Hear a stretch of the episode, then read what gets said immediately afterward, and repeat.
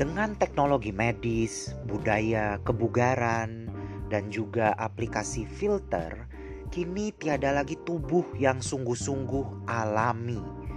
Yang kini kita hadapi adalah tubuh-tubuh sintesis yang senantiasa dimodifikasi tanpa henti, serta akan selalu bertahan hidup dalam sistem data yang hanya mampu diakses dan dikuasai oleh segelintir korporasi.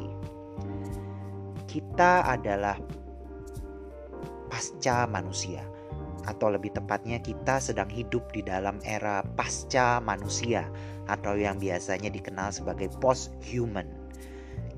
Inilah mengapa kita membutuhkan bahasa dan pemahaman baru tentang, dalam tanda kutip, menjadi manusia di era teknologi ini terutama saat teknologi sudah menjadi sesuatu yang tak bisa terpisahkan dari dalam tubuh kita dan juga dari dalam kehidupan nyata kita yang tentu saja berdampak nyata pada bagaimana kita menjalani hidup ini.